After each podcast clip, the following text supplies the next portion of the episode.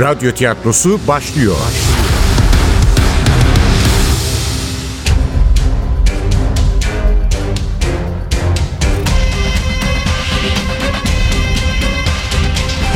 Sultanı Öldürmek 55. Bölüm Eser Ahmet Ümit Seslendirenler Müştak Bora Sivri Başkomiser Nevzat Nuri Gökaşan Yağız Fatih Özkul. Hasan Usta Cengiz Daner. Mansur Sefa Zengin. Komiser Ali Umut Aksoy. Efektör Cengiz Saral. Ses Teknisini Erman Gündüz. Yönetmen Aziz Acar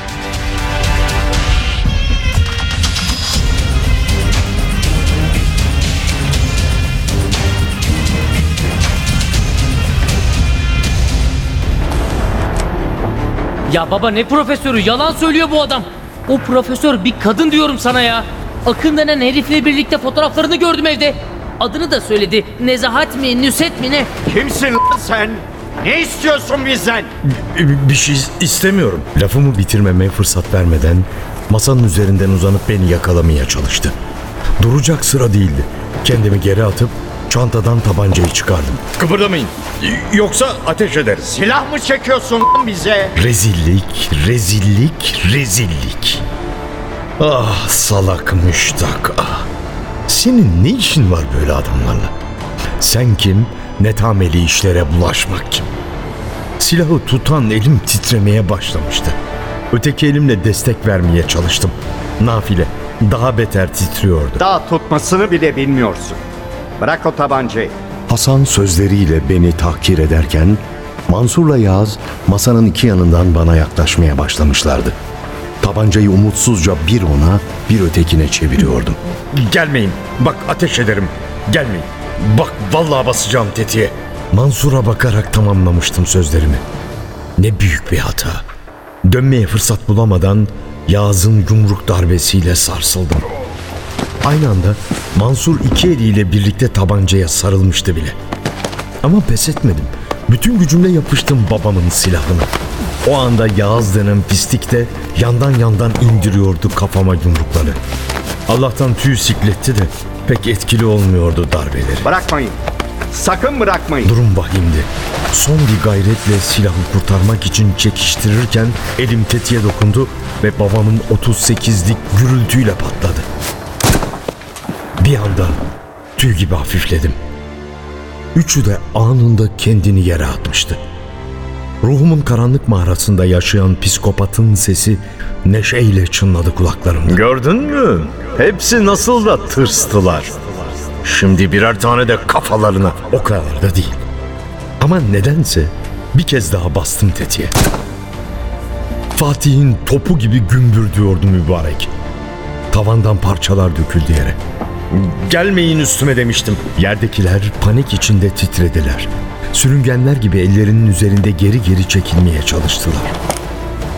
Ne kadar şahane bir duyguymuş insanların senden korktuklarını görmek.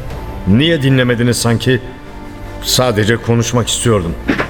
Oğlum yanlış düşünüyor Hasan. Ben sahtekar değilim. Anladınız mı? Sizi hapse filan attıracak da değil. Ama ben attıracağım. Bu tanıdık ses alçıların bulunduğu rafların önünde dikilen Ali'den geliyordu. Ellerini göğsünde kavuşturmuş, dudaklarında takdir eden bir gülümsemeyle beni süzüyordu. Bravo hocam. Çok etkilendim. Performansınız müthişti.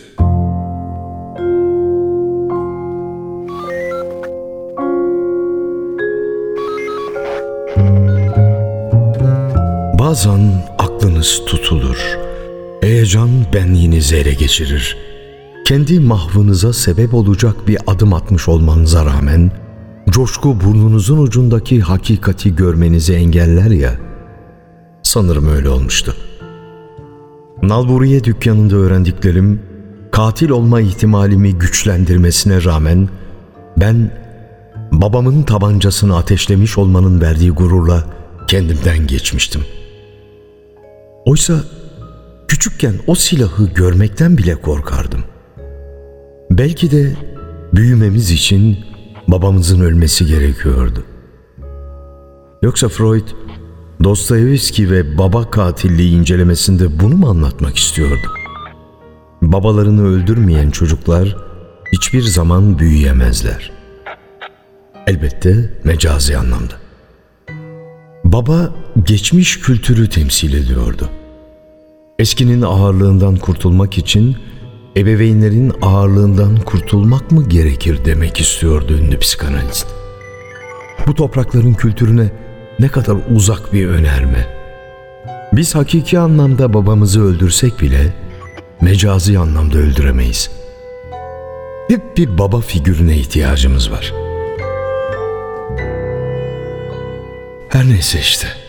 Başkomiser Nevzat'ın basık tavanlı odasındaki floresan lambanın beyaz ışığı en az nalburiye dükkanındaki kadar çiğ olmasına rağmen nedense kendimi çok daha rahat hissediyordum burada.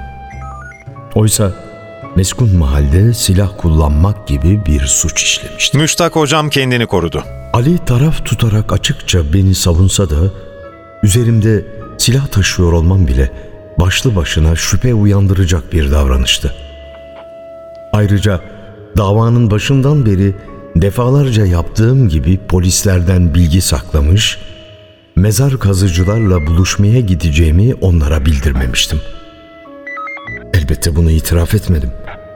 Mansur'dan telefon gelir gelmez hemen odadan çıkıp hastane koridorlarında Ali komiseri aradığımı, bulamayınca görevli polislere sorduğumu ama fazla vaktim olmadığından buluşmaya tek başıma gitmek zorunda kaldığımı anlattım. Ama beni adım adım izleyen Ali bunları zaten biliyordu.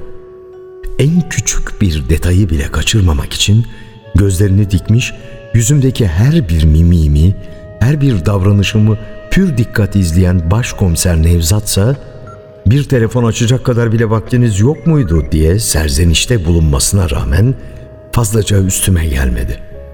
Belki zamanını bekliyordu. Onun da aklı Fatih'in mezarının açılması meselesine takılmış olmalıydı. Demek yanılmışız. Demek Nüset Hanım ikinci Murad'ın değil Fatih Sultan Mehmet'in türbesini açtırmaya çalışıyormuş. Peki böyle bir ihtimal var mı gerçekten? Yani Fatih zehirlenmiş olabilir mi? Kadim bir tartışmadan söz ediyoruz. Fatih Sultan Mehmet Sultan Çayırı denilen yerde öldükten sonra başlayan bir tartışma. Ben de duymuştum bu iddiayı. Tabii o sebepten ayaklanmıştı Yeniçeriler. Şehirde isyan çıktı. Yahudi mahallesi basıldı. Sadrazam Karamani Mehmet Paşa parçalanarak öldürüldü. O kadarını bilmiyordum. Doğru dürüst bilgiye sahip değiliz tarihimiz hakkında. Ne yazık ki öyle. Ama şunu da unutmamak lazım. Bütün bu olaylara rağmen zehirlenme meselesi hala bir iddia. Fatih'in öldürüldüğü kanıtlanamadı. Çünkü ne bir tanık var ne de kanıt değil mi? Aynen öyle. Sadece bir şiir. Dönemin tarih yazıcılarından Aşık Paşazade'nin eserinde yer alan bir şiir. Ee, yanılmıyorsam şöyleydi. Tabipler şerbeti kim verdi hana? O han içti şarabı kana kana. Ciğerin doğradığı şerbet o hanın, Hemin demzarı etti yana yana. Dedi, niçin bana kıydı tabipler? Boyadılar ciğeri canı kana. Birkaç dize daha olması lazım ama çıkaramadım şimdi. Niçin bana kıydı tabipler? Gerçekten de şüphe uyandırıcı sözler. Peki daha sonra mesela günümüzde Nüset Hanım'dan önce diyorum kimse gündeme getirmedi mi bu konuyu? Yani Fatih'in zehirlenmiş olabileceği meselesini. Nusret'in evinde kitabını gördüğünüz Alman tarihçi yazdı. Franz Babinger. Ta kendisi. Fatih Sultan Mehmet ve zamanının yazarı. Kitap Fethin 500. yılında yayımlanmıştı. Yani 1953'te. Babinger eserinde Fatih Sultan Mehmet'in zehirlenmiş olabileceğinden söz eder. Hafızam beni yanıltmıyorsa Fatih'in çok sayıda düşmanının oluşu ve ölümünün detayları muhtemelen zehirlendiğini gösteriyor diye kayıt düşer. Daha sonra 1964'te ressam ve müzeci Elif Naci, Fatih'in mezarının açılması ve toksikoloji testi yapılmasını önerir. Dönemin gazetelerinin bu konuya yakından ilgi gösterdiğini biliyoruz. Hatta Abdi İpekçi'nin konuyla ilgili bir açık oturum yaptığı bile söylenir. O dönem yazılanları okumuştum. Müze müdürlerinden dönemin müftüsüne, önde gelen gazetecilerden sanatçılara kadar birçok kişi mezarın açılmasında bir sakınca olmadığını belirtiyorlardı. Ama sonra ne olmuşsa olmuş, konunun üzeri kapatılmış. Arada küçük tartışmalar olsa da konuya dair kimi metinler yazılıp hatta kitaplar yayımlansa da mesele sarsıcı bir şekilde kamuoyunun gündemine gelmemiş. Fakat anlaşılıyor ki bütün tehlikesine rağmen bizim Nusret bu meseleyi yeniden açmak istiyordu. Tehlikesine rağmen mi?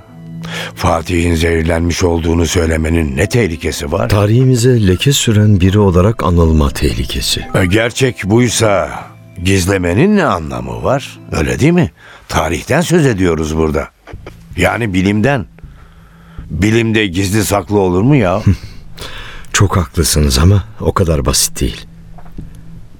Mesela Fatih'in zehirlendiğini kabul ederseniz ardından gelecek soruya da cevap aramanız gerekir. Onu kim zehirledi? E, Kim zehirlemiş? Polis olan sizsiniz. Böyle bir cinayet işlendiyse katili sizin bulmanız gerekmez mi? 500 küsür yıl önceki bir vakayı mı? Üstelik cinayet olup olmadığı belli olmayan bir ölümü. İnsaf Müştak hocam. Tamam polis olan biziz ama tarihçi olan da sizsiniz. Gereken bilgileri vermezseniz olayı ben nasıl çözerim? Size gereken bilgiler nedir Nevzat Bey? Aslında tam bir fikrim yok. Sahiden yok. Elimizde gizemli bir vaka var. Ama bu cinayeti çözmek için Fatih Sultan Mehmet'in nasıl öldüğünü bilmemiz gerekiyor. Yanlış mı düşünüyorum? Yo, doğru düşünüyorsunuz. O zaman bu konuda beni aydınlatmanıza ihtiyacım var. Fatih'in yaşamı, düşmanları kimdi, ölümünden kimler yararlandı, eğer elimizde tanık ya da kanıt yoksa o cinayetten kim çıkar sağlamış olabilir, kim mutlu olmuş olabilir ona bakmamız gerekir. Tamam. Anlatayım ama 49 yıllık bir ömürden söz ediyoruz. Oldukça uzun sürebilir bu. Önemli değil hocam, vaktimiz var. Ali içeride türbe hırsızlarını sorguluyor. Zeynep şu sizin maktule hediye ettiğiniz çeşme lal üzerinde çalışıyor. Biz de tarih üzerine sohbet ederiz biraz. Birer de çay söyleriz. Zaten en başından anlatmanıza gerek yok. Fatih'in ne zaman doğduğunu, tahta kaç kez çıktığını, Konstantinopolis'i nasıl aldığını filan biliyoruz. Biz ölüm anını konuşalım. Tekfur çayırı mı demiştiniz? Hani Fatih'in son nefesini verdiği yer. Bence sonrasını da çok iyi biliyordu. Hayır, ilgisini çeken sadece bu büyük hükümdar değildi. Bu sıra dışı padişahın hayat hikayesini benden dinlemek istiyordu. Fatih'in hayatı kadar merak ettiği konu Nusret'i boğazlamış olup olmadığımdı. Evet, Tekfur ya da Sultan Çayırı. Fatih niye gitmişti oraya? Elbette yeni bir sefer için. Ama bu yeni seferin nereye yapılacağı bilinmiyor. Nasıl bilinmiyordu? Koca ordu, on binlerce insan payitahttan kalkacak, günlerce süren bir yolculuk yapacak, üstelik sonunda zorlu bir savaşın yapılacağı bir yolculuk olacak. E gidilecek yer bilinmeden neye göre, nasıl hazırlık yapacaklardı ki? Bence de tuhaf. Gerçi Fatih son derece ketum bir hükümdardı. Kendisinden başka kimseye güvenmezdi. Ama savaş denen o büyük organizasyonu gerçekleştirmek için elbette komutanların nereye gidileceğini bilmesi gerekirdi. Çünkü bu sefer için 300 bin kişilik bir ordu kurulduğundan söz ediliyor. 300 bin kişilik bir ordu ha? Dişli bir rakibin üzerine gidiyor olsa gerek. Peki tahmini düşman kim? Üç ihtimal vardı. En azından Osmanlı tarihçilerinin dile getirdiği üç ihtimalden söz edebiliriz. İlki Memlüklerle yapılacak bir savaştı. Hac yolundaki su kuyularının tamiri yüzünden çıkan husumet, iki devlet arasındaki hakimiyet savaşının alevlenmesine neden olmuştu. Buna dayanarak Fatih'in yönünün Mısır olduğu söylenebilir. İkinci ihtimal olarak Rodos'a yapılacak bir çıkarmadan söz edilebilir. Son Rodos seferinin başarıya ulaşmamış olması Fatih'in aklından çıkmıyor. Akdeniz'de çıbanbaşı gibi duran bu adadaki düşman hakimiyetini kırmayı çok istiyordu. Üçüncü ihtimal ise İtalya'nın fethiydi. 1480 yılında Gedik Ahmet Paşa komutasında İtalya'ya gönderdiği ordu Otranto'yu almış yani Osmanlılar çizmeyi ele geçirmeye hazır hale gelmişlerdi. Ancak ordunun yönünün Anadolu olması sebebiyle Rodos ya da İtalya ihtimali zayıf kalıyordu. Muhtemelen hedef Mısır'dı. Başka bir ihtimal? Fatih'in yaşamını kesinlikle çok iyi biliyordu bu polis.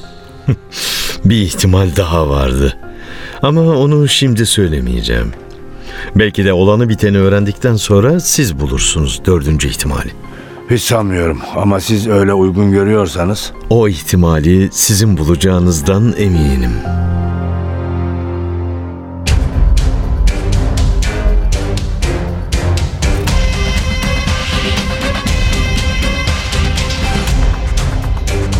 Sultanı öldürmek.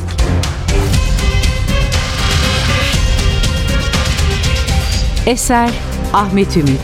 Seslendirenler Müştak Bora Sivri. Başkomiser Nevzat Nuri Gökaşan. Yağız Fatih Özkul. Hasan Usta Cengiz Daner. Mansur Sefa Zengin. Komiser Ali Umut Aksoy. Efektör Cengiz Saral. Ses teknisyeni Erman Gündüz. Yönetmen Aziz Acar.